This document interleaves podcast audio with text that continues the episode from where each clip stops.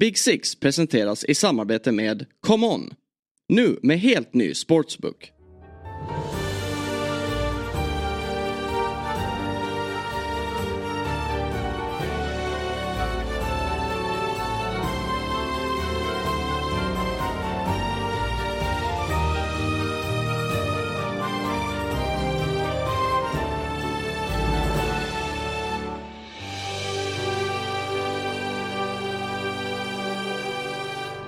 Då hälsar vi er varmt välkomna till måndagens avsnitt av Premier League-podden Big Six. Vi är återförenade i studion igen och det, den ni hör prata är Jesper Hoffman och vid min sida har jag Björn Jonsson. Hur är läget?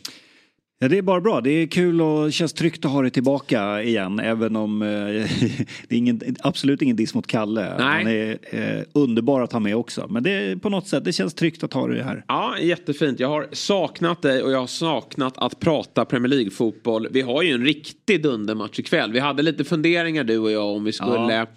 Eh, spela in på tisdagar. Samtidigt så vet man ju nu att folk har ju vant sig vid att på måndagar runt lunch då släpps eh, första avsnittet av Big Six den här veckan. Och det tänker jag att vi fortsätter att följa. Så får torsdagsgänget prata ner stormatchen ikväll. Eh, Chelsea, eller vi ska säga i rätt ordning, Spurs mot Chelsea. Som jag verkligen ser fram emot. Ja, jag, tror att det kommer bli en eh, väldigt rolig match att, att följa. Och Chelsea tycker jag har visat upp att de eh, står upp bra Ja. mot eh, topplagen. Eh, och det tror jag att eh, de kommer göra även ikväll. Sen vet jag inte, sen är jag inte säker på att de vinner. Nej. Men eh, jag tror att det, det, det blir, jag tycker Pochettino är väldigt spännande att följa. Alltså, mot, sen blir det ju, alltså rent taktiskt mot topplagen. Sen blir det ju såklart ett eh, speciellt eh, återseende för, för hans del och när han kommer tillbaka då till, till Tottenham eh, Turf så att säga. Eh, så att eh, det, ska bli en jättekul match. Ja, följa. jag tänker vi kan avsluta med att snacka upp den matchen och så börjar vi med att slänga oss in i hetluften. För det har Mm. ju varit en helg med en del eh, häpnadsväckande resultat. Eller häpnadsväckande. Ja, men mycket eh, skrällar ändå. Några skrällar är det faktiskt. Men framförallt så är det ju eh, Eh, den stora snackisen, den berör ju matchen på St. James' Park i lördags kväll 18.30 eh, svensk tid. När Newcastle tog emot Arsenal. En match som slutar 1-0. Man har inte pratat så mycket om resultatet utan eh, det det pratas om det är ju eh, domarinsatsen och framförallt Arsenals stora besvikelse eh, över den. Jag tror att alla som lyssnar på den här podden har ju stenkoll på vad som har hänt. Det är ju en match med många tveksamma situationer kan man väl säga. Eh, men där det framförallt berör då Newcastles eh, lite märkliga 1-0 mål. Och vi, vi ska gå igenom situationerna här och vi ska gå igenom verktyget VAR. Eh, men jag tänker att vi, vi, eller jag vill i alla fall börja med att eh, prata om lite vad som sker i England när det kommer till tränarna, klubbarna och deras makt över hur vi hanterar känslor kring domarna. Eh, för vi har ju, det vi har lärt oss är att man säger oftast att stora tränare oftast är väldigt dåliga förlorare. Och, och Arteta är ju faktiskt inget undantag här utan han har ju visat upp en ganska spydig och trist sida i samband med förluster. Och jag har förståelse för att han i den här matchen är förbannad. För det, det kan man verkligen vara. Jag är själv supporter av ett lag, du är det också. Och man har eh, mycket frustration ibland eh, och samtidigt som man ibland också vet att eh, idag har vi gynnats av en domare men då, då pratar man inte eh, särskilt mycket om det. Eh, men i det här fallet då så anser Arsenal sig vara eh, felaktigt dömda av domare Stuart Atwell och hans eh, varum. Och eh, Arteta efter matchen han kliver ut och säger så här. Yeah, we have to talk about the result because you have to talk about how the hell this goal um, stand up, and it's incredible. I feel embarrassed, but I have to be the one now coming here to try to defend the club and please ask for help because it's an absolute disgrace that this goal is allowed. It's an absolute disgrace. Why? Do you think it's a disgrace? Because it's not a goal. For many reasons, it's not a goal. For more than one reason, at least, it's not a goal. And it's too much at stake here. We put so much effort. It's so difficult to compete at this level. And it's an absolute disgrace. Again, I feel embarrassed. I've been more than 20 years in this country, and this is nowhere near the level to describe this as the best league in the world. I am sorry. Vad har du, om vi börjar där då, vad, vad säger du om Artetas eh, uttalanden här och eh, hur han uttrycker sig? Det var lite som du var inne på tidigare där att många av de här storklubbstränarna, inte bara i England, de har ju en tendens att bli ruskigt osympatiska när, de, när resultaten går emot dem. Och ett domslut som de då subjektivt tycker att det, det, går emot dem. Det har vi sett för exempel och Det har på. du och jag lärt oss ända sedan Ferguson och, och Wengers tid. Mm. Att eh, det är så man håller på. Och sen klev Mourinho in där mm. och, och, och, sen har eh, många tränare tagit efter, eller jag vet inte ens om Mourinho tagit blev, efter. Men... Mourinho blev ju nästan hyllad för hans sätt att byta fokus. Han sätter liksom eh, eh, han, han, han, sätter ämnet efter en match. Mm. Och för att skydda sig själv och skydda laget så hade ju han en tendens att ja, men då riktar jag fokus mot domaren eller någonting annat. Så kan jag ta, jag kan ta på mig hatten som dåre om ni vill.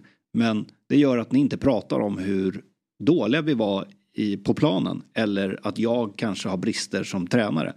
Och det tror jag det är lite det som Arteta gör här. Eh, sen det, här spårar han ju faktiskt ur får man, får man ändå säga. Och det, det finns mycket att säga om det. Men jag tror att han gör det dels för att mm. Arsenal Kanske hårt att säga att de är i en formsvacka men det har varit en del insatser nu den senaste tiden. De förlorade mot West Ham i ligacupen. Det var ju, en, det var ju en riktigt usel insats. Sen har man ju Sheffield United man vinner med 5-0 och sådär. Men i ligacupen där mot, mot West Ham var en riktigt dålig insats även om man roterade mycket.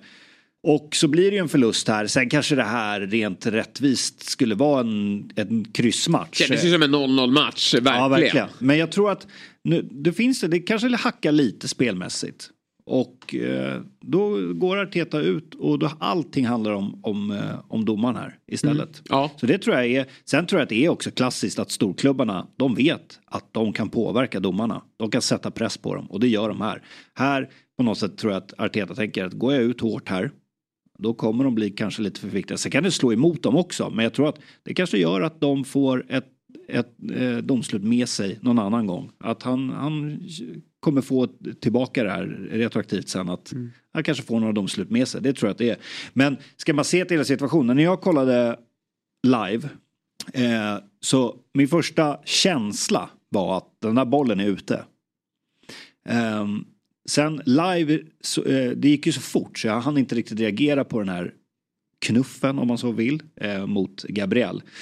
Eh, men sen när man får se de här repriserna så vet om man då antar att man får se alla bilder så, så går det ju helt enkelt med de här kameravinklarna. Det går ju inte att avgöra om den här bollen är ute. Och då ska man ju fria. Ja. Eh, falla. Då ska man ju lyssna på domaren. Det finns ju, vad jag vet, finns beslut. det ingen som har, eh, vad ska man kalla den här drönarbilden ovanifrån. Det är ju den man behöver. Vad jag vet så är det ingen som har den. Så det är ingen som kan säga att den här bollen med 100% säkerhet är ute. Eh, och sen knuffen på Gabriel. Jag kan ju tycka att det är frispark. Men eh, domare släpper dem där ibland och domare blåser för dem ibland. Um, så är det ju. Uh, men... Och sen är det en offside situation som också är svår att bedöma. Ja, eh, om, om ja. den stämmer överens eller inte. Och för att liksom, gå till grunden med vad VAR är till för. Det är ju att det är ett verktyg som ska kliva in när domaren har gjort ett uppenbart fel. De ska ju inte gå in och ändra på saker där det finns en osäkerhet. Och i det beslutet, då landar det i en bedömning. Eh, ja, och, och, bedömningar har ju vi vuxit upp, så har det ju alltid varit i fotbollen, att det är en bedömningssport från en, en, en domare. Mm. Eh, tidigare har det varit en man som springer ute på plan och, och, gör de här bedömningarna och så har man blivit eh, arg ibland och så har man varit glad ibland för att det har gynnat ens lag. Nu har vi ju ett eh, varum som ska hjälpa domaren att fatta beslut när han är ute på cykeln.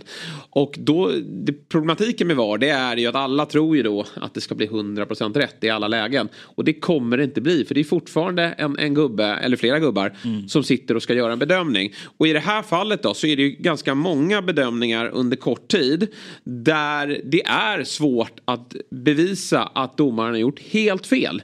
Eh, bollen är den ute det ser ju ut så i början men så finns det, sen finns det ju en vinkel faktiskt som hävdar att den inte är ute. Alltså är det väldigt svårt att bedöma. Ja, då ska domaren låta, eller då ska man låta det gå från varummet. Sen kommer den här knuffen. Jag tycker nog också att det är en frispark. Men det är inte 100% felaktigt av domaren utan det är som du säger. Ibland släpps det, mm. ibland eh, eh, dömer man. Och sen har vi en offside som är, jag vet inte hur vi ska döma den heller. Det går inte att rita några linjer, det är bara jättestökigt.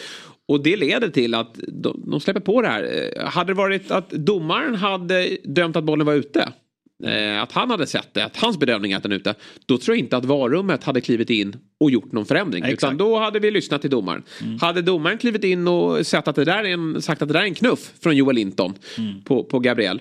Då hade inte varummet gått in och ändrat. Och hade domaren tror jag dömt offside här så tror jag inte heller att någon har förändring. Så att Arsenal har ju otur här i att domaren släpper på tre situationer som varummet inte kan gå in och ändra. Det är väl nästan så att man kan säga att det är tre stycken 50-50 situationer. Ja, men verkligen. Och vi Eh, landar i en bedömning och bedömningar ska vi som supportrar bli förbannade på när vi håller på ett lag. Men man kan inte som domare en månad efter att man har sagt och det här spelar ingen roll. Jag tycker att det här citatet är så bra. Det spelar ingen roll vilken fråga som har ställts och i vilket Nej. sammanhang det är. Nej. Men Arteta får ju en fråga. Vi kan lyssna på det. Ja. Is it a worrying precedent when I guess referees are maybe not allowed to uh, referee certain clubs' matches now with what's happened over the past week or so?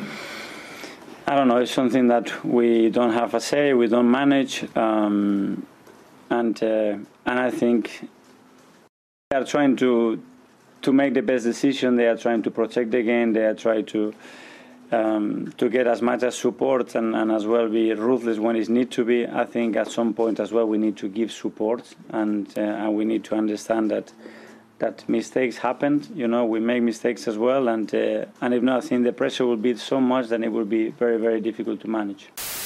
Här får väl han en fråga då. Hur, hur tycker du det är nu med att vi stänger av dem? Man hör ju lite dåligt vad, Ja. vad eh, reporten säger. Ja, precis. Det, den frågan handlar väl någonstans om att det här är i oktober då. Att eh, det här vi ser nu att eh, domare kanske inte ska få döma vissa lag och att de ska petas och sådär. Och då går ju liksom Arteta och är balanserad. Det är väl tror jag inför en match och säger att vi måste skydda domarna. Ja, och, och alla kan Så göra misstag.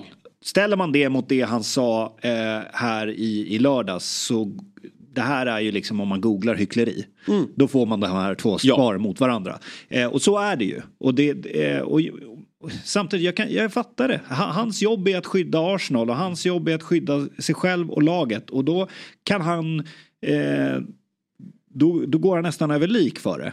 Eh, men samtidigt så finns det ju den här, om man ska vara liksom lite rimlig och resonlig här. Det, det, det han säger då i det här eh, från oktober. Det har ju ändå en poäng. Att Ja. skydda domarna för att deras tillvaro blir ju odräglig Ja. om, det, om det sätts sån här press. Och vi vet ju också vad de här, eh, det finns ju dårar där ute som påverkas av vad spelare och tränare säger. Så att det finns ju, det, det kan ju gå väldigt långt här. Ehm, och sådär. Men Jag vet inte vad du får för algoritmer i ditt Twitterflöde men jag, jag ser ju bara de svenska Arsenal-supportrarna och de är ju fullständigt rasande här såklart. Och jag har förståelse för det men, men det är ju påeldat av klubben. Ja. Ja. Klubben då kliver ut och står bakom sin tränare vilket då Arsenal-supportrarna känner en stolthet över. Ja men, men man går ju då också emot vad sin tränare sa för en månad sedan. Att alla kan göra misstag. Sen vet jag att Arteta ställde sig i Klopps ringhörna såklart. Att eh, VAR måste få eh, mer stöd och hjälp och, och det här blev ju väldigt fel i det som hände på, på eh, i matchen mot Tottenham. Eh, Men, men det tycker jag, det är ju en helt annan situation. Där gör ju VAR rätt. Men de kommunicerar fel. Och, och där måste Ja, man det ju går hitta ett bättre system. jämföra. Det går inte att jämföra. Det här är ju en, eh, liksom, det här är flera bedömningar under en match. Som då eh, supportare, supportare och vissa tyckare tycker att varummet gör fel i. Men, men det som hände i matchen mot Tottenham. Det är ju något helt annat och där måste man ju få bättre.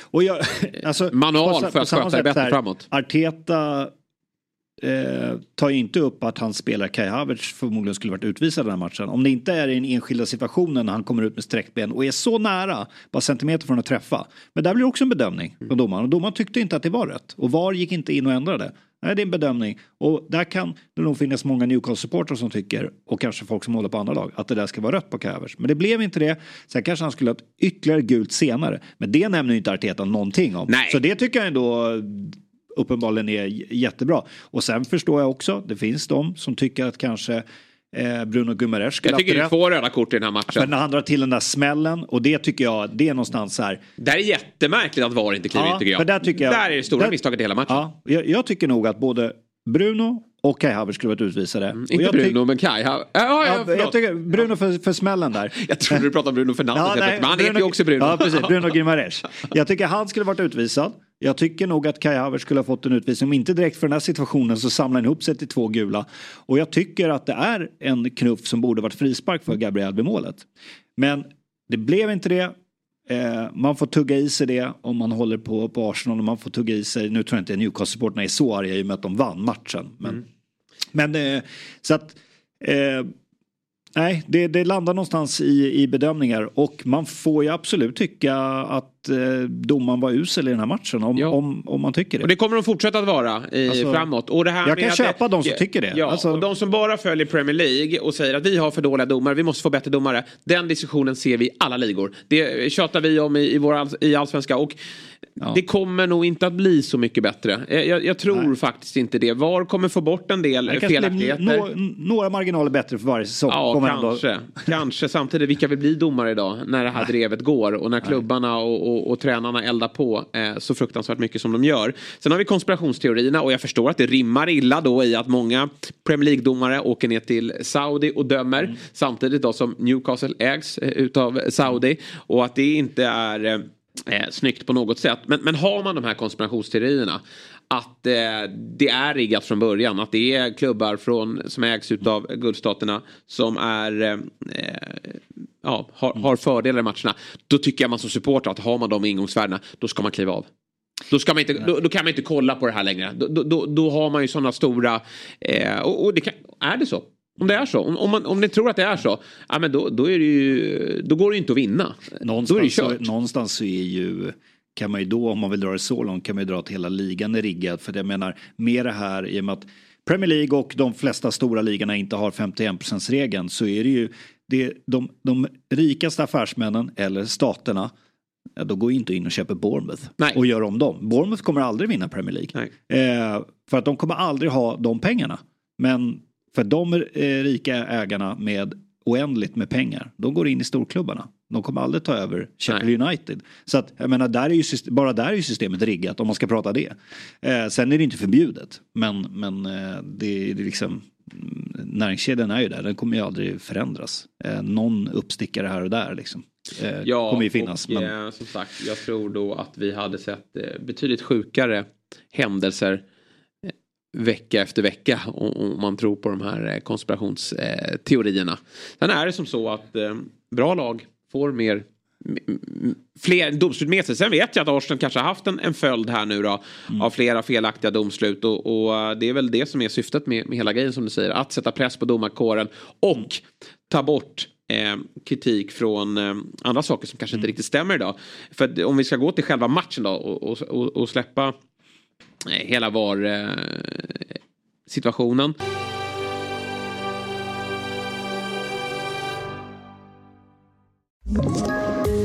Poddtips från Podplay. I fallen jag aldrig glömmer djupdyker Hasse Aro i arbetet bakom några av Sveriges mest uppseendeväckande brottsutredningar. Går vi in med hemlig telefonavlyssning och, och då upplever vi att vi får en total förändring av hans beteende. Vad är det som händer nu? Vem är det som läcker? Och så säger han att jag är kriminell, jag har varit kriminell i hela mitt liv men att mörda ett barn, där går min gräns. Nya säsongen av Fallen jag aldrig glömmer på Podplay.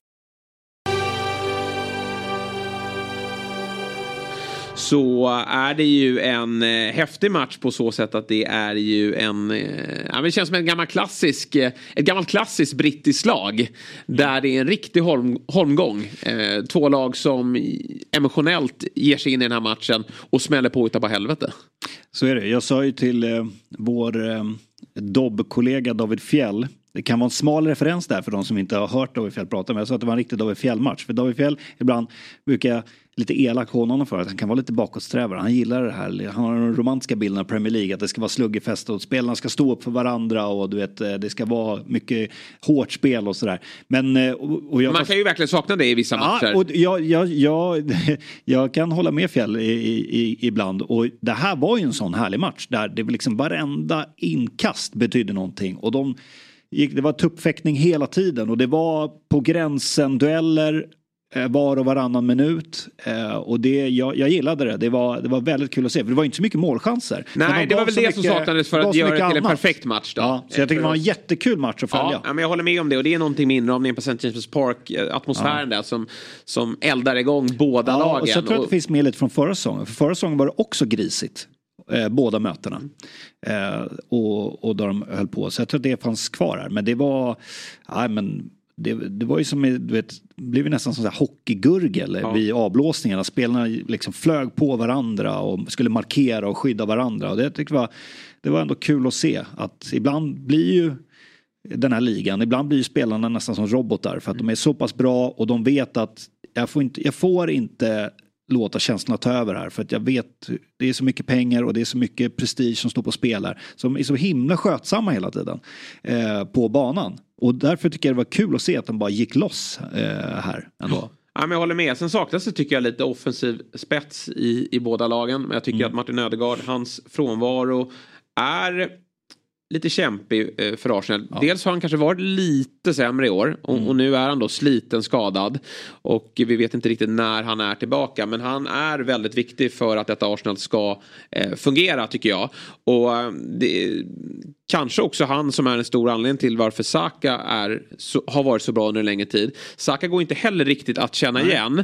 Eh, Han, han är väldigt mycket han känns som att han är lite sliten och har lite brist på självförtroende. Det är väldigt mycket ut bollen på hans kant och istället för att utmana och, och vara kreativ sista tredjedelen så är det mycket vända upp och, och, och slå en passning tillbaka till mittfältet. Så jag, jag känner inte riktigt igen den, den gamla Saka. Och eh, Martinelli är också en liten bit ifrån eh, från toppformen här. Detsamma gäller ju också i, i det andra laget där vi, vi, jag vill ändå hävda att Callum Wilson är en fantastisk avslutare in i boxen. Men, hans, men frånvaron av Isak gör ju Newcastle sämre som lag tycker jag. Eh, även om det är Wilson som oftast eh, gör fler mål så tycker jag att Isak i, i eh, uppbyggnadsfas och i, i länkspelet tillsammans med anfallet, han, han den här matchen. Det gör han. Och eh, på samma sätt så saknas ju också Tonali. Som ju är avstängd nu i tio månader. Och det är ju två av deras dyraste värvningar. Och det ska ju vara två av deras bästa spelare. Och de är ju borta just nu. Så det är klart att det påverkar. Eh, men jag tycker att det blev, det är tydligt hur, och det är inte så konstigt kanske för- Arsenals del, hur viktiga Ödegaard och Declan Rice är. Jag tycker man såg i ligacupen, då körde de ett B-laget i princip. Och där, det var som att se det gamla då, dåliga Arsenal. Att så här, det, här, det här laget vinner ju inte en, en match. Och då undrar jag så här, hur, hur bred är den här truppen egentligen? Man pratade om Arsenals bredd. Jag vet inte om den är så bred. För att, ska, det är klart att så här, Declan Rice är ju miljardspelare och Ödegaard är väl nästan, blir snart värderad till det. Eh, skulle de bli av med de två spelarna, skulle de få skada på de två spelarna, det är klart att det skulle påverka, det skulle påverka alla lag. Men när någon av de spelarna inte är med, då är, då är det stor skillnad på Arsenal då. Ja, det är det verkligen. Och sen tror jag, och jag tycker också så här, Gabi Jesus i en sån här match är bättre än Edin Nketiah. Alltså, Ja. Nketiah är ju när, när Arsenal är spelförande med sina mm, smarta djupledslöpningar och, och svår för låga försvar att hålla koll på. Väldigt nyttig. Men Jesus i, i den här typen av eh, mot, mot bättre lag. Jag tror att han är mer nyttig i, i, i sina stora löp och, och, och sin aggressiva press. Sen måste vi prata om Kai Havertz. Nu har vi pratat om honom eh, i samband med situationerna här. Att han kanske borde ha varit utvisad.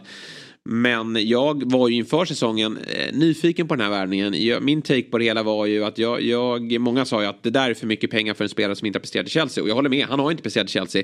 Men jag vill ändå tro att det finns en stor potential där och han har varit i ett Chelsea som inte har mått särskilt bra. Nu kommer han till ett fungerande Arsenal med en bra tränare som uppenbarligen har en plan för honom.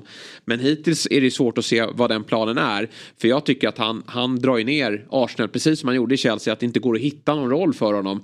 Han är inte tillräckligt bra, ett tillräckligt stort hot som nia. Eh, han, är inte tillräck- han var ju bra i, i första matchen där i, i mot City i uh, Charity Shield, eller Community Shield? Community Shield, Shield, alltid fel på den där. Eh, Community Shield, där tycker jag han var ganska nyttig och bra. Men, men eh, sen dess har han inte riktigt, eh, kanske inte har fått tillräckligt, chanser, eh, tillräckligt många chanser. Samtidigt är ju Arsenal så här också att de är ju ett fungerande lag. Så de har ju inte tålamodet, tålamodet och tiden att ge Havertz massa chanser i olika roller för att se vad han passar bäst in. Utan fungerar du inte här och nu, nej men då kan inte vi spela dig. För vi har, varje match är viktig för oss och vi har spelare som fungerar i det här systemet. Då får du kliva åt sidan. Så när du får chansen, då måste du ta den. Och han gör ju inte det. Nej, då tycker jag ändå för att vara, jag tycker Kai Havertz har inte varit eh, lyckad än så länge. Då tycker jag ändå han är eh, helt okej okay i den här matchen.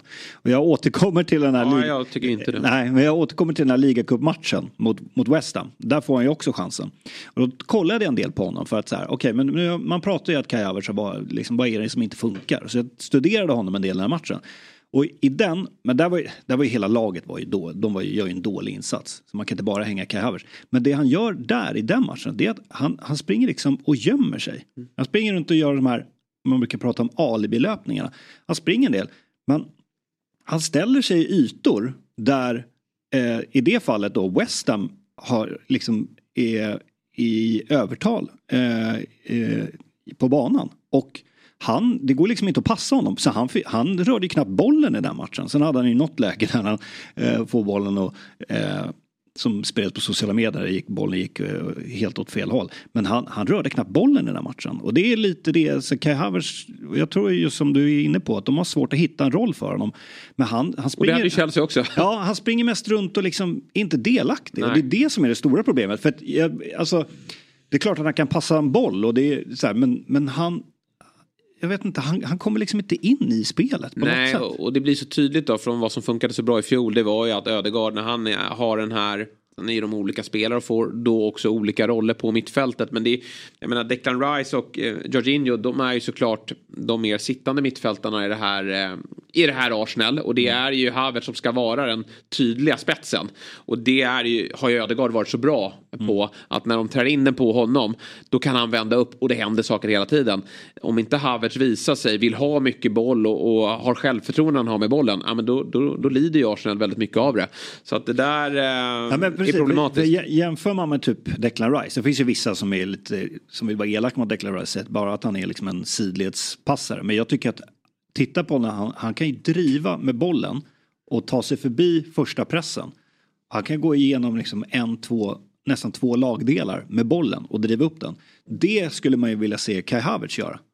Men eh, Declan Rice som mer liksom en, snarare en defensiv mittfältare, han kan ju faktiskt göra det. Och ta tag i bollen, gå förbi en gubbe, Ja, ja, driva och spela bollen framåt.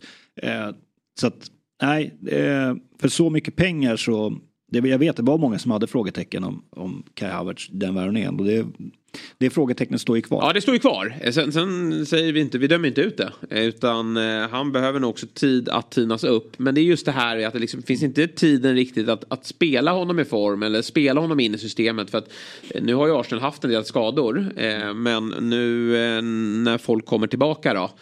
Så kommer det ju vara att han får, får hoppas på att han gör ett bra inhopp. Och, och sen får chansen efter Sen har de ju ett problem också med att på balansspelare, liksom Thomas Partey, de här skadorna. Ja. Eh, muskelskadorna, han hade ju nästan inga muskelskador i Atletico Madrid. Sen kom han till Arsenal och det är hela tiden. Där jag tror att de måste leta efter en ersättare. Ja, För han är, ju, han är ju viktig, men han, han spelar ju alldeles för lite. Jag tror att de måste börja titta på och hitta någon. Ja, sen Någon tycker jag det är lite märkligt också med, med eh, Sinchenko här som jag var så förtjust Jag tycker i inte han har varit bra. Nej, han har ju inte det. Så han sitter nog Jag med tycker däremot. Tomiasso tycker jag faktiskt ja, har varit men han bra. är ju faktiskt bättre just nu. Men jag tycker ändå att så här, när Sinchenko funkade så var han så bra för det här eh, Arsenal. När han kunde kliva in på centralt mittfält och, och, och stödja lite där. För han har ju också den offensiva passningen i sig. Och, Mm. och förstod Artetas direktiv. Men, men han känns ganska kall för stunden. Så det är väl rätt att han sitter på, på en bänk då. Men vi, vi måste lämna den här matchen och gå vidare. Ja. Vi konstaterar i alla fall att det var ett jobbigt poängtapp på så sätt. Alltså, ligan, ligan det, det, det avgörs inte. Men, men eh, det är ju i så bra läge här för alla lag att hänga på eh, City och Spurs i, i, Ja. i toppen. Alltså, ska man se och, det- man, nej, det är ingen katastrof att förlora på St. James' Park. Nej. Men, men eh, Sen kan ett kryss just- hade varit fint där. Just det här med om, om man tycker att domaren gjorde fel här så är det klart att den poängen, den kan ju vara avgörande i Absolut. slutet på säsongen. Men, men som sagt, det här var första förlusten för, för Arsenal på, på säsongen så att det är ju ingen fara så. Mm. Och vi kommer få skit från Arsenal-supportrar här. Men vi förstår frustrationen. Men vi känner väl att den, den måste dämpas lite grann. För det blir ingen, eh, det blir ingen rimlig miljö. Eh, och, och jag hade ju snarare sett att det hade varit läckert om Arsenal kliver ut när de blir när de gynnas av ett VAR-beslut och ett club statement att det där var ju felaktigt. Den där, vi ser att de möter Burnley till helgen och Arsenal får en, en eh, eller de kollar inte på en VAR-grej som, som Burnley skulle fått. Då ska statement ut. Och jag får ju så många som skriver till mig när jag skrev att det var patetiskt. Man ska alltid ta i på Twitter för att få reaktioner. Men då kliver någon in och säger att det har ing- noll att göra med klubbsympatier, en Arsenal-supporter. Noll. Utan vi måste få bättre domare. Ja, men då vill jag faktiskt att man eldar Ja, det- på mer när något an, någon annan klubb drabbas. Eller att när till exempel att eh, Arsenal har fått någonting med sig. Det är väl just det att, som sagt, jag kan absolut köpa om man tycker att domaren gjorde fel här. Eh, Men det är just det att Arteta och klubben går för långt Ja. i det här fallet. Bra. De gick för långt. Det vankas återigen Champions League och självklart har vi förberett en trippel till er där ute och den är signerad av Karl Hultin. Ja, jag får förtroende igen, vilket jag är tacksam för. Eh, och det är ju tisdagen vi riktar in oss på här. Ett stormöte först ut, Milan-PSG, där jag tippar att PSG vinner eh, på bortaplan. Eh, Milan är i dålig form, inte vunnit på sina fyra senaste matcher och eh, senaste mötet det här lag, de här lagen emellan slutade just 3-0 till PSG och jag tror att det kan bli eh, något liknande här igen. Vi går vidare till eh, Spanien och Atletico Celtic. Eh, de kryssade i 2-2 senast men nu är det Atletico som har hemmafördelen istället och det kommer göra stor skillnad. Eh, och jag tror också de vill koppla ett grepp om den här gruppen så därför tror jag att de vinner och gör det med marginal. Eh, Sista matchen på trippen är Lazio-Feyenoord eh, som jag tror blir målrik. Eh, Förra matchen mellan lagen slutade 3-1 och här vill Lazio ta revansch. Samtidigt har Feyenoords fyra senaste, raka, eller fyra senaste matcher också slutat med över 2,5 mål. Så att eh, över 2,5 mål och både mål känns eh, fin här. Så där har ni trippen. Spelet finns boostat på Pokémon.com under fliken experterna och mer info kommer ut på Twitter eller X vad man nu vill kalla det så håll utkik där. Kom ihåg att du som spelare måste vara minst 18 år, spela ansvarsfullt och har du eller någon i din närhet problem så finns stödlinjen.se. Vi ses stort tack till Common som är med och möjliggör Big Six. Eh, Arsenal tappar poäng. Eh, ett annat lag, de tappar tre poäng. Ett eh, lag som tappar två poäng, det är Liverpool. Som spelade igår söndag då. Ja, höll på att tappa tre poäng. Höll på att tappa. De får tack, eh, tacka Luis Diaz här. Och vad fint det var eh, ändå. Att han så, fortfarande då har sin mamma släppt från gisslan. Eh, men pappa fortfarande då sitter eh, kidnappad. Ja, Det kom ju rapporter från att det var, hela den här kidnappningen var någon typ av misstag. Att de visste inte att det var Luis Diaz föräldrar. Och att de nu skulle hitta ett sätt att, att de ville släppa honom. Eh, men att de på något sätt måste organisera på ett sätt så att de vill ju inte åka dit såklart. Nej, det vill man ju inte om man Nej. begår brott. Eh, eh, men, men det har ju inte, vad jag förstår, inte gjorts än. Och det är ju ja, det är omöjligt att sätta sig in och, i Ja. Luis Diaz situation här. Och att han ändå, nu spelade han ju inte förra matchen såklart. Eh, men att han ändå spelar den här matchen. Och Hoppar in och, hoppar och in och eh, gör skillnad. Och gör skillnad. Eh, och det är på något sätt, det är ju sport blir ju liksom löjligt i det här sammanhanget när hans pappa sitter liksom i gisslan. Han vet inte vad, hur, om han kommer klara sig överhuvudtaget. Eh, men att han får då göra målet här eh, är, ju, är ju fint. Men eh, det är ju en fullständigt bisarr situation som han eh, finner sig i just nu. Eh, och vi får bara hoppas att eh, allt går bra med hans eh, pappa. Absolut. Men det är fascinerande att han ens kan fokusera. Ja. Och, eh, och spela här. Och han, Det hade ju fattats bara om, om domaren klev fram där när han, han tar upp sin tröja Ja, och varnat och honom. varnat honom. Ja, han var ju tillräckligt smart att inte ta av sig tröjan. Nej, exakt. Utan bara drog upp och hade eh, det här budskapet att, eh, att han vill att hans pappa ska friges. Precis.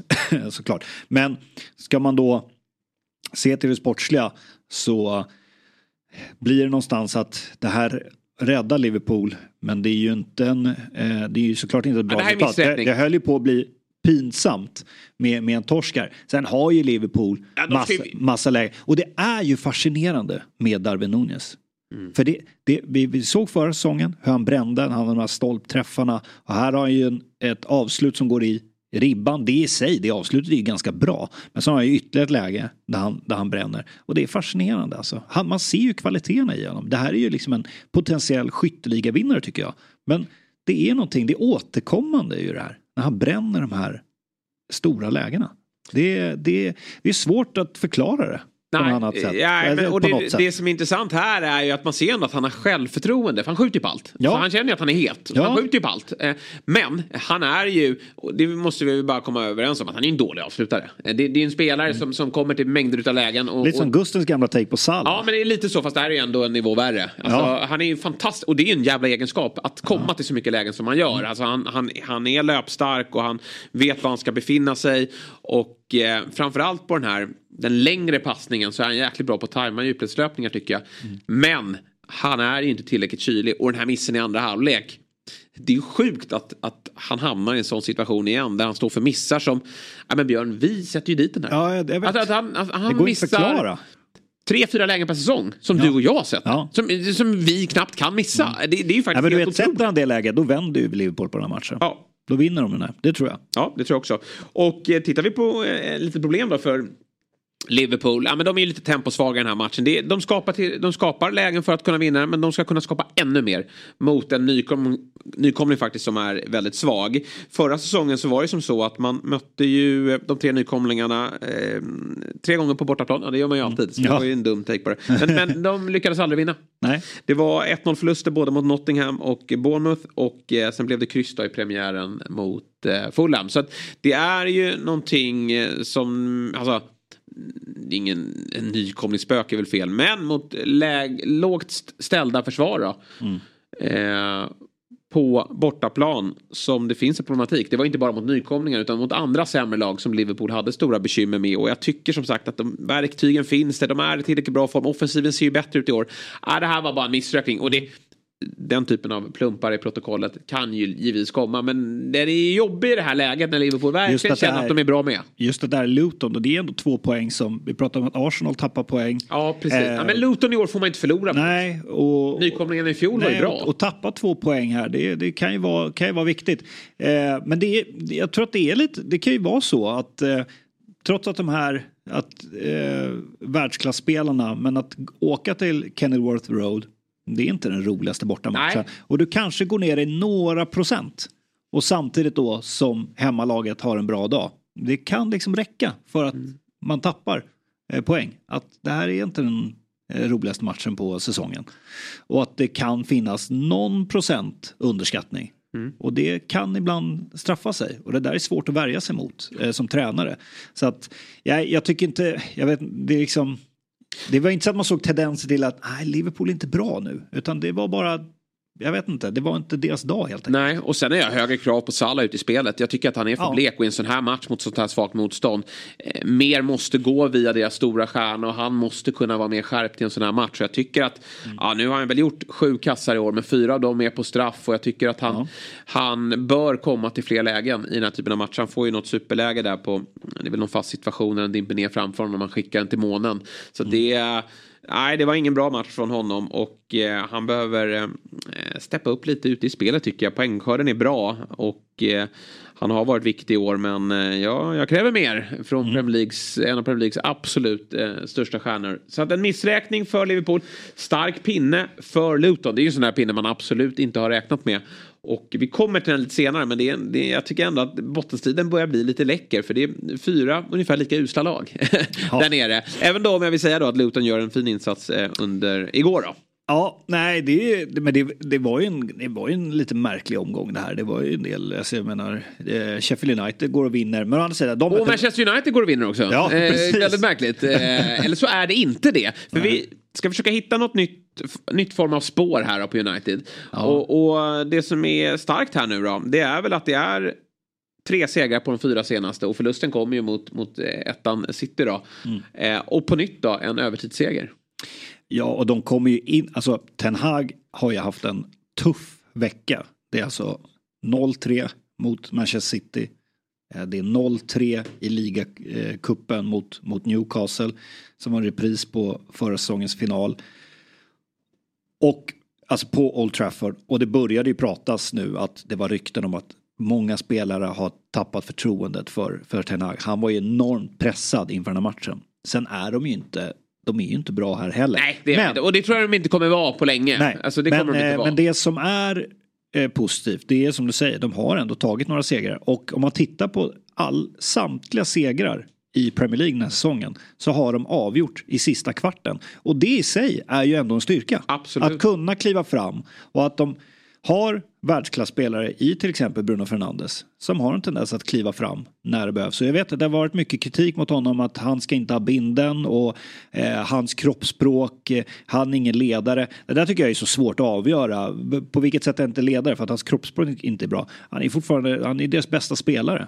Eh, Ja, och och han- Sen vet inte om jag, ska han ha binden eller ska någon annan ha binden? Det, det kan inte jag svara på. Men jag tycker ibland att Bruno Fernandes, jag, jag kan köpa de som tycker att hans uppseende är lite störande. Men okej, men, Men jag han- ser till det han gör på banan. Han trummar Han- ju på i han 90 plus tillägg. Ja. Alltså han ger sig Ja. aldrig och, och han brinner för den där klubben. Sen, sen kanske det är som du säger en, en, eh, en uppsyn som, som man kanske förväntar sig mer Ja, av. att han lägger sig han- lätt ibland Ja. och gnäller och sådär. Men samtidigt, jag tycker han är deras bästa spelare. Ja, jag, jag håller verkligen med. Och, och, och för Uniteds del så handlar det inte om att skälla på, på spelare som presterar. Utan det handlar ju snarare om att plocka bort spelare som underpresterar. Jag tycker en spelare som ska vara given här framöver det är ju McTominay. Och även Harry Maguire har klivit in nu och någonstans stabiliserat upp det. Och då ska ju givetvis Ten Hag satsa på honom. Och en annan som kliver in i den andra halvleken och som måste spela framöver nu det är ju Pellistri. Som Ja. kliver ut. Och nu för det är liksom så här, visst det är en avsaknad av spelidé och den, den får de väl jobba på då. Eh, för de kommer nog inte sparka Ten Hag och, och mm, frågan är om det ens blir bättre av att sparka honom. Jag är ju verkligen tudelad där. Men, men de får väl försöka hitta någon spelidé löpande här då. Men framförallt då måste ju Ten Hag få hjälp i att plocka ut rätt spelare. Och nu måste nog någon ta honom i örat högre upp. För han verkar inte riktigt förstått det själv. Men jag tror att någon från Uniteds ledning behöver ta honom åt sidan Ten Hag och säga det att den här Anthony som du har plockat ut, eller som du har plockat hit, handplockat från Ajax. Han kommer inte att spela i Manchester United i januari. Utan vi kommer gå all in för att sälja honom. För han är alldeles för dålig för den här ligan. Och då, han behöver höra det. Och du behöver spela någon annan nu. För det, det har gått för långt nu. Han har spelat för... Jag förstår ju om det hade varit en sak om, om han insåg det tidigt och sa att ah, vi får sätta Anthony på bänken och så får han kanske hoppa in någon gång då och då. Men, men Ten Hags problem är ju att han spelar honom hela tiden. Och i uttalanden så säger han att det måste få, han måste få tid, han är en fighter, han ska ta sig tillbaka, han är en väldigt bra spelare. Men nej, jag tycker man ser väldigt tydligt att Anthony inte håller för Premier League.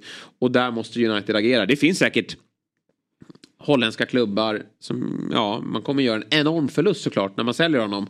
Men eh, han måste eh, släppas och då har man en ung eh, Pellistri där eh, från, från eh, Uruguay. Vi har även Garnacho som får spela för att Rashford är borta här. Ja, men han visar ju också någon form av positiva tendenser även om han helst då trivs Han har ju bäst stor potential Ja, han har ju det. Så att de där två spelarna, även om de inte är färdiga här och nu och är på den nivån som United kanske skulle behöva så finns det en framtid där. Det gör det inte med Anthony. Så där måste de få hjälp. Christian Eriksen visar ju också tycker jag att han har problem. Eh, Så att det där mittfältet behöver ju eh, nu är Casemiro skadad men eh, det är väl om vi ska prata lite så här värvningar in så behöver United verkligen förstärka det där centrala mittfältet och Amrabat har ju också visat att han har inget på den här nivån att göra tycker jag.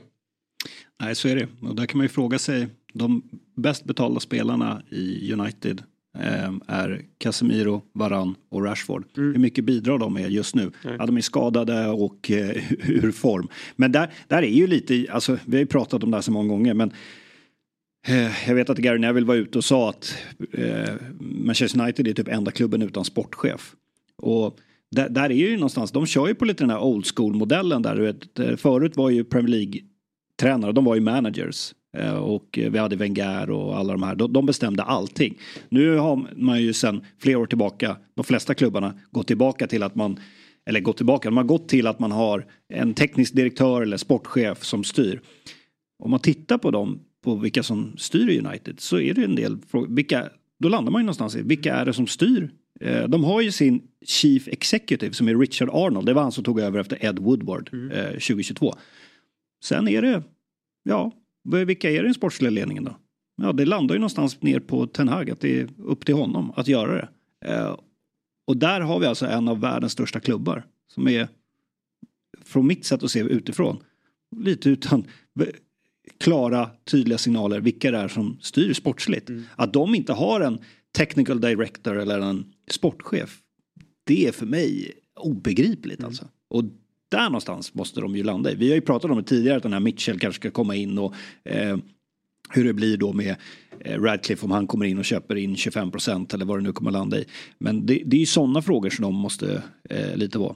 Men jag är ju ändå, jag har ju en eh, liten spåkula att jag tror inte att Ten Hag tränar United 2024. Jag Nej, jag tror att de, jag tror inte de kommer göra någon förändring under året utan de, de får ta en, de bestämmer sig. För de, det är ingen fara på taket nedåt liksom. Och, och uh, de kommer inte slåss om några Champions League-platser heller.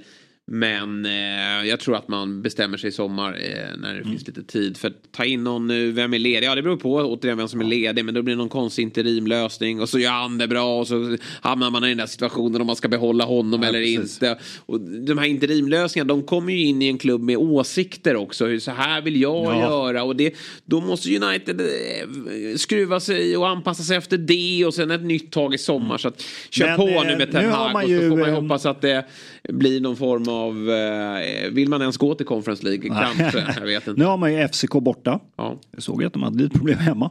Men nu har man FCK borta, sen har man Luton hemma. Ja. Och där ska de ju vinna. Mm. Men sen har man ändå, jag vill ändå hävda, Everton borta. Den är inte så lätt. Den, alltså. är, den är inte så lätt. Och sen är det Galatasaray och sen är det Newcastle och uh, Chelsea. Vi får se var uh, United står då. Mm.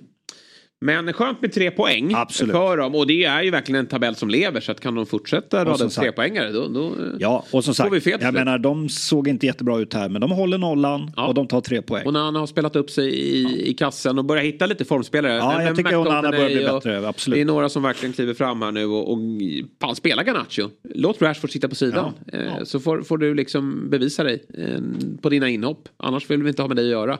Lite problematisk start för Höjlund men vi visste att han inte var färdig heller. Eh, så det, det är Nej. ju någonting de behöver utveckla och frågan då om United är rätt miljö för utveckling. Ja, ja, vi, vi, eh, vi återkommer till Uniteds problem i, i, i nästa avsnitt av Six helt enkelt.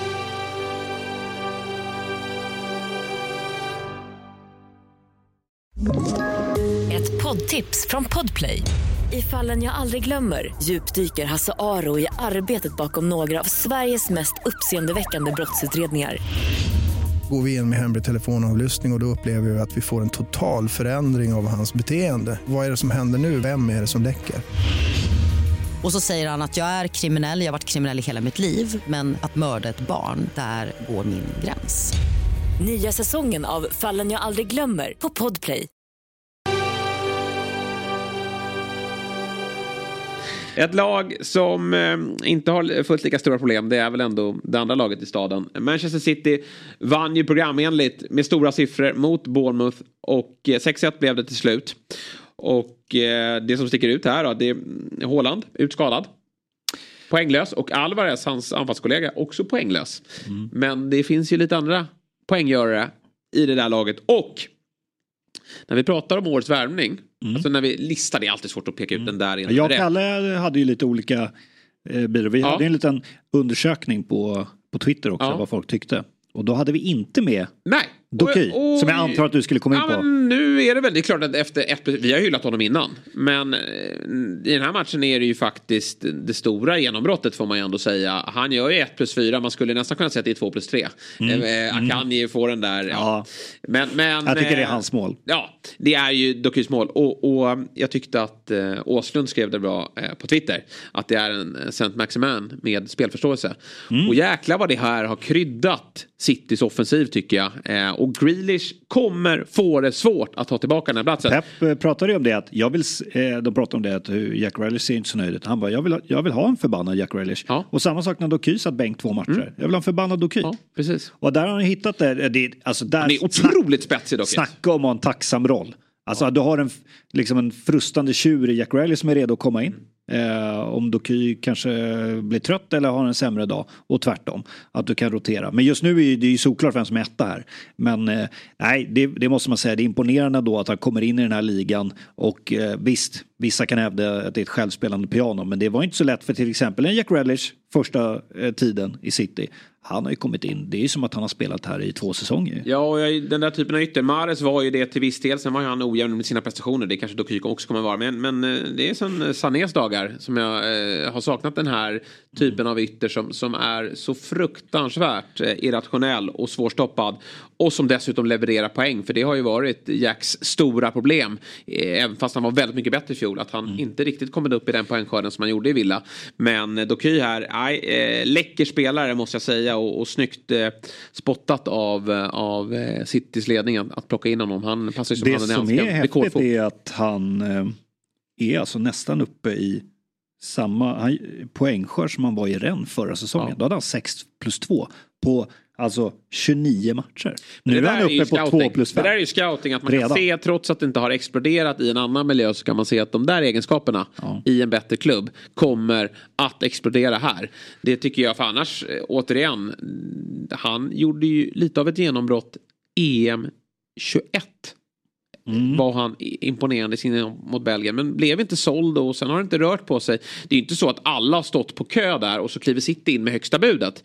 Utan det har ju varit, eh, kändes som att ty- City var ganska ensamma där. Här tycker jag, nu, nu drar jag in United i det här också. Men jag tycker att eh, om man ska jämföra de här två klubbarna. Eh, så är det så här att ofta när City gör värvningar. Så är det inte alltid att de plockar in världsstjärnor. Nej. Så man, det är ofta man, här, man får nästan börja googla när de Absolut. gör värvning. Ja, men, eh, och sen kan ju vissa skratta som inte vi eh, som följer La Liga och sådär. Men liksom när, när, när Diaz, Rodri plockar, kommer in. Då är man, tror jag att de först, om man ska vara ärlig här nu. När man hör de där värvningarna. Vänta, vem är det där nu då? Mm. Ja, Okej, och Doky, vem, vem är han? Okej. Eh, men de blir världsstjärnor i City. Håland, absolut. Håland, världsstjärna. Ja, absolut. annan. Men, men jag håller och, helt med dig. och, och jag vet att de var ute efter Declan Rice och så här. Men de blir världsstjärnor i City.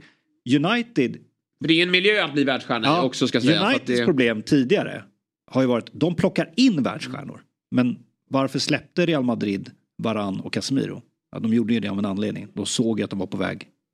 Eh, alltså de kanske hade pikat, till exempel. Men det är det som är så häftigt tycker jag med City eh, och Pep Guardiola. Att visst, jag vet, de Och jag lägger, tycker, de även, lägger mycket det, pengar. jag tycker det här gäller även Liverpool eh, i Ja, exakt. väldigt stor utsträckning. Ja. I att de Ja, skapar vem var- också världsstjärnor. Vem var Mané ja. eh, när, när, när han kom till Liverpool? Alltså, eh, men de, de utvecklar spelarna För det på är den en här nivån. miljö. Det är en bra miljö att vara i. Och det tycker jag även alltså, Eddie Howe har gjort. eh, Och, och Arteta. Eh, Jag tycker det är, det är ett väldigt bra tecken på en välmående klubb när man plockar in spelare som, som tar nästa kliv. Det är inte givet att ta nästa kliv för de kommer till en ny nivå eh, när det kommer till uppmärksamhet och, och tuff konkurrens och annat. Men, men att man då eh, växlar upp är oftast för att eh, det är eh, en, en välmående klubb. Du, eh, City vinner då eh, och sen har du en spaning på eh, Iraola här också va? Ja. Bournemouth-tränare. Eh, en, en spåkula i närtid då. Ja. Eh, jag tror att han får sparken efter, efter helgen. Ja, Newcastle hemma. Eh, sen är landslagsuppehåll och Mm. sen väntar Sheffield United. hemma va? Eh, jag tror att den kan vara borta. Ja, det spelar ingen roll. Men det är, det är, det är den eh, kanske viktigaste matchen på säsongen för Ja. Bournemouth. För att, eh, mm, nej men det här, det här går ju inte liksom. Men eh, sen är det klart, mm, det är ju inte många lag som kan räkna med att ta poäng borta mot City. Det är inte det jag menar. Nej, nej, nej. Men Alltså, i och med att nu blir de ju extra stressade. För att Luton tog poäng mot Liverpool. Gör de sådana insatser, då kan de ta en del poäng den här säsongen. Sen vet jag inte om det räcker till vad det är som krävs, 35. Men... Nej, i år tror jag det. Du klarar det på 20. eh, Ja, du kanske gör det. Och Sheffield United går och vinner mot Wolves. Det sätter press på Bournemouth. Och det här... Man det här... skulle nästan vilja bryta ut de här fyra lagen och l- göra upp ett gruppspel för dem. Ja, ja, Ni får möta varandra åtta gånger. Ja, någon dans, Då får vi dansk se. version av. För de här fyra Och lagen Everton tycker jag visar att de är mycket bättre än, än Luton, Bournemouth, Burnley och Sheffield United. Så att eh, jag tror faktiskt att nu kommer det här landslagsuppehållet inför sen den här intensiva julperioden. Jag tror nog att Iraola får sparken efter Vet du vem som kliver in efter landslagsuppehållet också? Vem som har en riktigt bra timing på det? Ja, det är en svår fråga så här bara på uppstuds. Men det är Hjalmar Ekdal. Ja, som ja, du har ju så. Ett superläge här Ja, nu att verkligen. kliva in och ta en plats Jag tror du menar tränare som skulle ta över Bournemouth. det Ja, var det jag nej, funderade på. nej, där går inte Hjalmar in. Men eh, utan så här är det då att Hjalmar är i full träning. Till helgen väntar ju Arsenal. Mm. Där tycker jag att Hjalmar ska sitta på bänken. Mm. Eh, det är perfekt Ja. för honom. Eh, och, och se ett Arsenal vinna med, med, med Mm. tre, fyra bollar här då. För sen efter uppehållet. Då väntar West Ham och Sheffield United på hemmaplan. Två matcher, ja West Ham är en tuff match såklart och, och Burnley har ju verkligen visat, jag, jag har sett att missnöjet, man försöker att det finns ju inte jättemånga svenska Burnley-supportrar, men eh, desto fler i England då. och där börjar missnöjet eh, sippra ut här nu. Bluffvarningslampan eh, på Lys- Company börjar börjar lysa. lysa Ja. lite. Jag säger inte att han är det. Men det. Mm. Men, men i den här matchen då, som jag ser eh, delar av, de, de har ju fortsatt mycket boll, men, men det vill ju Palace att de ska ha. Och så slarvas det i den där eh, förbannade backlinjen. Så att eh, Hjalmar har ett jäkla läge här nu att, att kliva in. Sen kommer det bli tufft, för att Burnley är, visar sig att de inte är riktigt slagkraftiga. Men just West Ham kan man nypa en poäng där. Och sen kommer ju mötet då med Sheffield United på Turf Moor. Och det är en sån där match, återigen, inbördesmötena. För vi har fyra lag som slåss om en plats. Och det är att hänga kvar i Premier League. Det skulle kanske kunna vara att Fulham dras ner. Men, men jag, tror, jag tycker ändå att Everton, Fulham, Wolves, ja, Chelsea har vi där, Nottingham. Alla de lagen är för bra för att vara, eh, alltså, eller de är väldigt mycket bättre än de här fyra här nere. Vi kanske kan ringa upp Hjalmar.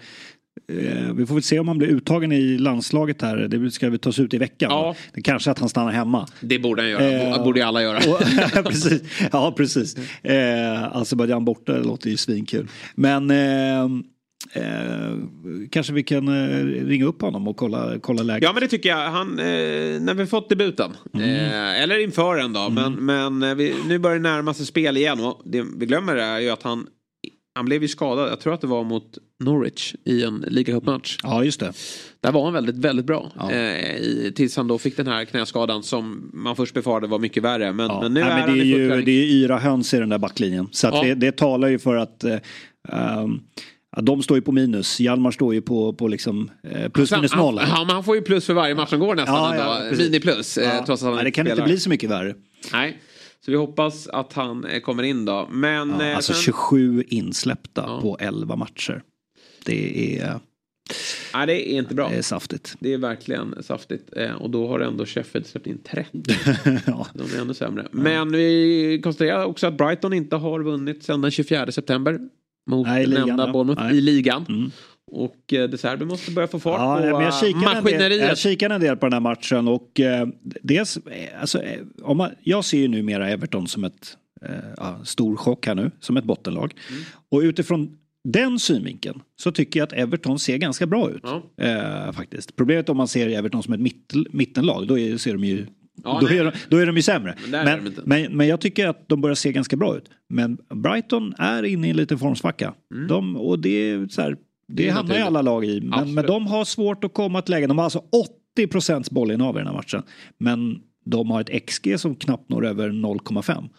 De, de har svårt att komma till lägen och det hackar. Mittoma blir lite isolerad där ute på kanten. Han har, jag vet inte, det klickar inte riktigt. Även om också han, det är han som står för målet då som är ju faktiskt ganska oturligt för Everton. Det studsar på Ashley Young. Det, det skottet han har, det är ju snarare ett inlägg. Och det ska ju inte bli mål på det. Det är en extrem otur att man går på låret på Ashley Young och, och in i mål. Ehm, Trodde han hade gått i pension. Men Ja, han precis. vidare. Han gör det.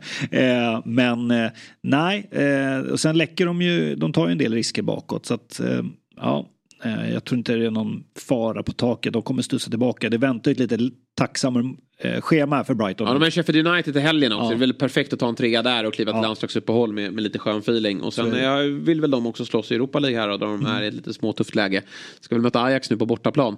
Precis. Men eh, det, det är en match de ska vinna med tanke på Ja, Ajax slog ju dem i senast. Ja, precis. Eh, det om helgen. Nu till kvällen då. Tottenham-Chelsea. Eh, en match som ska bli jäkligt kul att se. Vi vet att det, sk- det skiljer 14 poäng mellan lagen. Det är väldigt mycket. Men som du säger så har ju faktiskt Chelsea haft sina bästa matcher just mot eh, lag som kliver lite högre, eller kliver högre, som har en egen idé, alltså topplagen. Eh, men men där var ju- finns ju lite mer ytor. Ja, de var ju bra mot Liverpool, de var ju bra mot, de låste ju Arsenal i 70 minuter. Sen var det ju liksom ett målvaktsmisstag som bjöd in dem till matchen. Eh, det är ju en match som egentligen Chelsea ska vinna. Så att de är, eh, Pochettino är fascinerande på hur han, eh, han kan läsa mot, eh, motståndare. De är bra mot eh, mot storlagen. Men det är också lite så här vad, vad, man har för ingångsvärden. Ser man att Chelsea, förväntar sig att Chelsea ska vinna de där matcherna, eh, då kanske man ska ha lite större förväntningar. Men jag säger liksom, tar de kryss här så tycker jag liksom, det är ju bra jobbat. Mm. Jag menar det är ändå Ja, just nu är det serietvåan då, men det är det enda laget som är obesegrat så här långt, Tottenham. Så det blir tufft. Men de här mötena brukar ju, vi har ju det här eh, tidigare då när det var på Stamford Bridge, du vet Battle of the Bridge. Vi såg eh, förra säsongen var det väl eh, Tuchel och Conte när de ja, ja. påskakades. det känns som tio år sedan. Ja, det, exakt. Det, det, var början på säsongen, ja. augusti tror jag förra säsongen. De höll på att slita armarna av varandra. Det brukar ju kunna bli Ja, eh, det är, ju, det är en, det är en rivalitet Kanske får vi repris på Newcastle Arsenal här. Ja, men precis. Och Pochettino tillbaka som sagt och han har ju stått för märkliga uttalanden här tycker jag inför ja. matchen. Eh, får ju vara lite smart här nu i och med att det var ju laddat när du tog Chelsea och nu börjar den öppna upp. Det var ju så här, jag, jag kanske blir kvar i Chelsea 20-25 år men jag kan, också, jag kan också tänka mig att träna Spurs i framtiden. Det får du ju hålla käften om eh, om ja. du har de tankarna. Det, det är inget du säger Det är intressant att se hur han blir mottagen ikväll. Ja. Om det är eh, applåder eller om det är burop. Jag hoppas jag på burop. Nu, jag, jag, tjat, jag vet inte varför jag tjatar om den här matchen, jag återkommer till den. Eh, West Ham Arsenal ligacupen. Men då Declan Rice kommit tillbaka. Mm. Och då, David Moyes pratade ju väldigt gott. Han, liksom, han, han var med och lyfte vår första titel på 50 år. Och, eh, jag hopp, han har betytt så mycket för den här klubben. Men när han byttes in sen, då var det ju lite ambivalent på ja. läktaren. Det var tydliga burop från vissa. Men det var också tydliga applåder från vissa. Kanske kan bli något liknande här då. Eh, för eh, för Pochettino. Nej men det, blir, eh, det ska bli en äh, jäkligt häftig match ja. att, att, äh, att följa. En som vi äh, hoppas startar det är Reece James. Som är ja, tillbaka. Det vore precis. kul att få se honom från start och bara hålla tummarna för att han håller. För det är en, ja.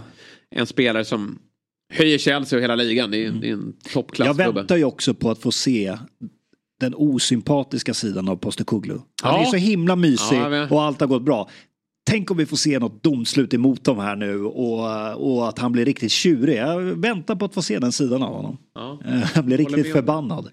Han eh, har ju fortfarande inte förlorat i, i ligan än och vilket läge för dem. Kliva upp på 29 poäng och ha 5 poäng ner till både Liverpool och Arsenal är ju mm.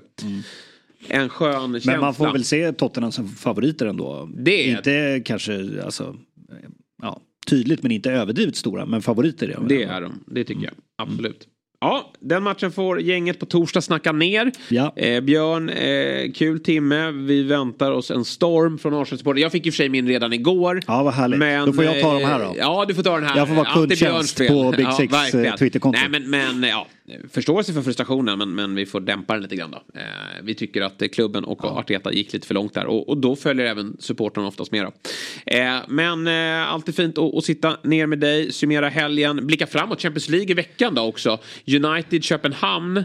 De hade, ja. Eller Köpenhamn United ska sägas, de hade ju tufft på Trafford. Nu spelas den på Parken. Ja, och Newcastle ska spela borta mot Dortmund i den där mardrömsgruppen som är väldigt jämn. Och Arsenal ska ta emot Sevilla igen. Arsenal gjorde ju faktiskt en bra bortamatch där. Eh, och nu möter de på hemmaplan.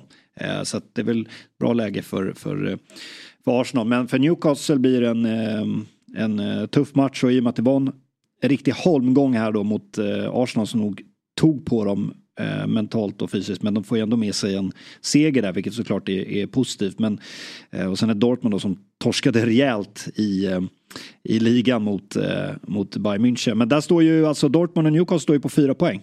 Så kampen om eh, avancemang då, du har PSG på sex poäng eh, som, som möter Milan. Eh, men det blir ju en eh, en eh, jäkla viktig match eh, för, för Newcastle. Ja, verkligen så. Och eh, det är också någonting för torsdagsgänget att snacka ner. Du och jag Björn, vi är tillbaka som vanligt om en vecka igen och vi tackar för er uppmärksamhet. Och Big Six rattar ni som sagt in på torsdag ja, vi Chelsea City och ser fram emot. Oj jäklar, vilken match. Mm. Tack för att ni har lyssnat. Vi hörs om en vecka igen.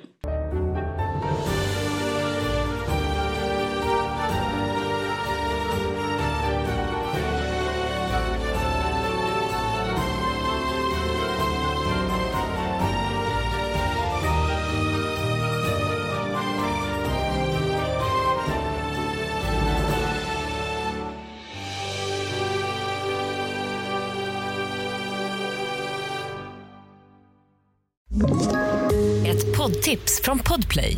I fallen jag aldrig glömmer djupdyker Hasse Aro i arbetet bakom några av Sveriges mest uppseendeväckande brottsutredningar går vi in med hemlig telefonavlyssning och, och då upplever vi att vi får en total förändring av hans beteende. Vad är det som händer nu? Vem är det som läcker?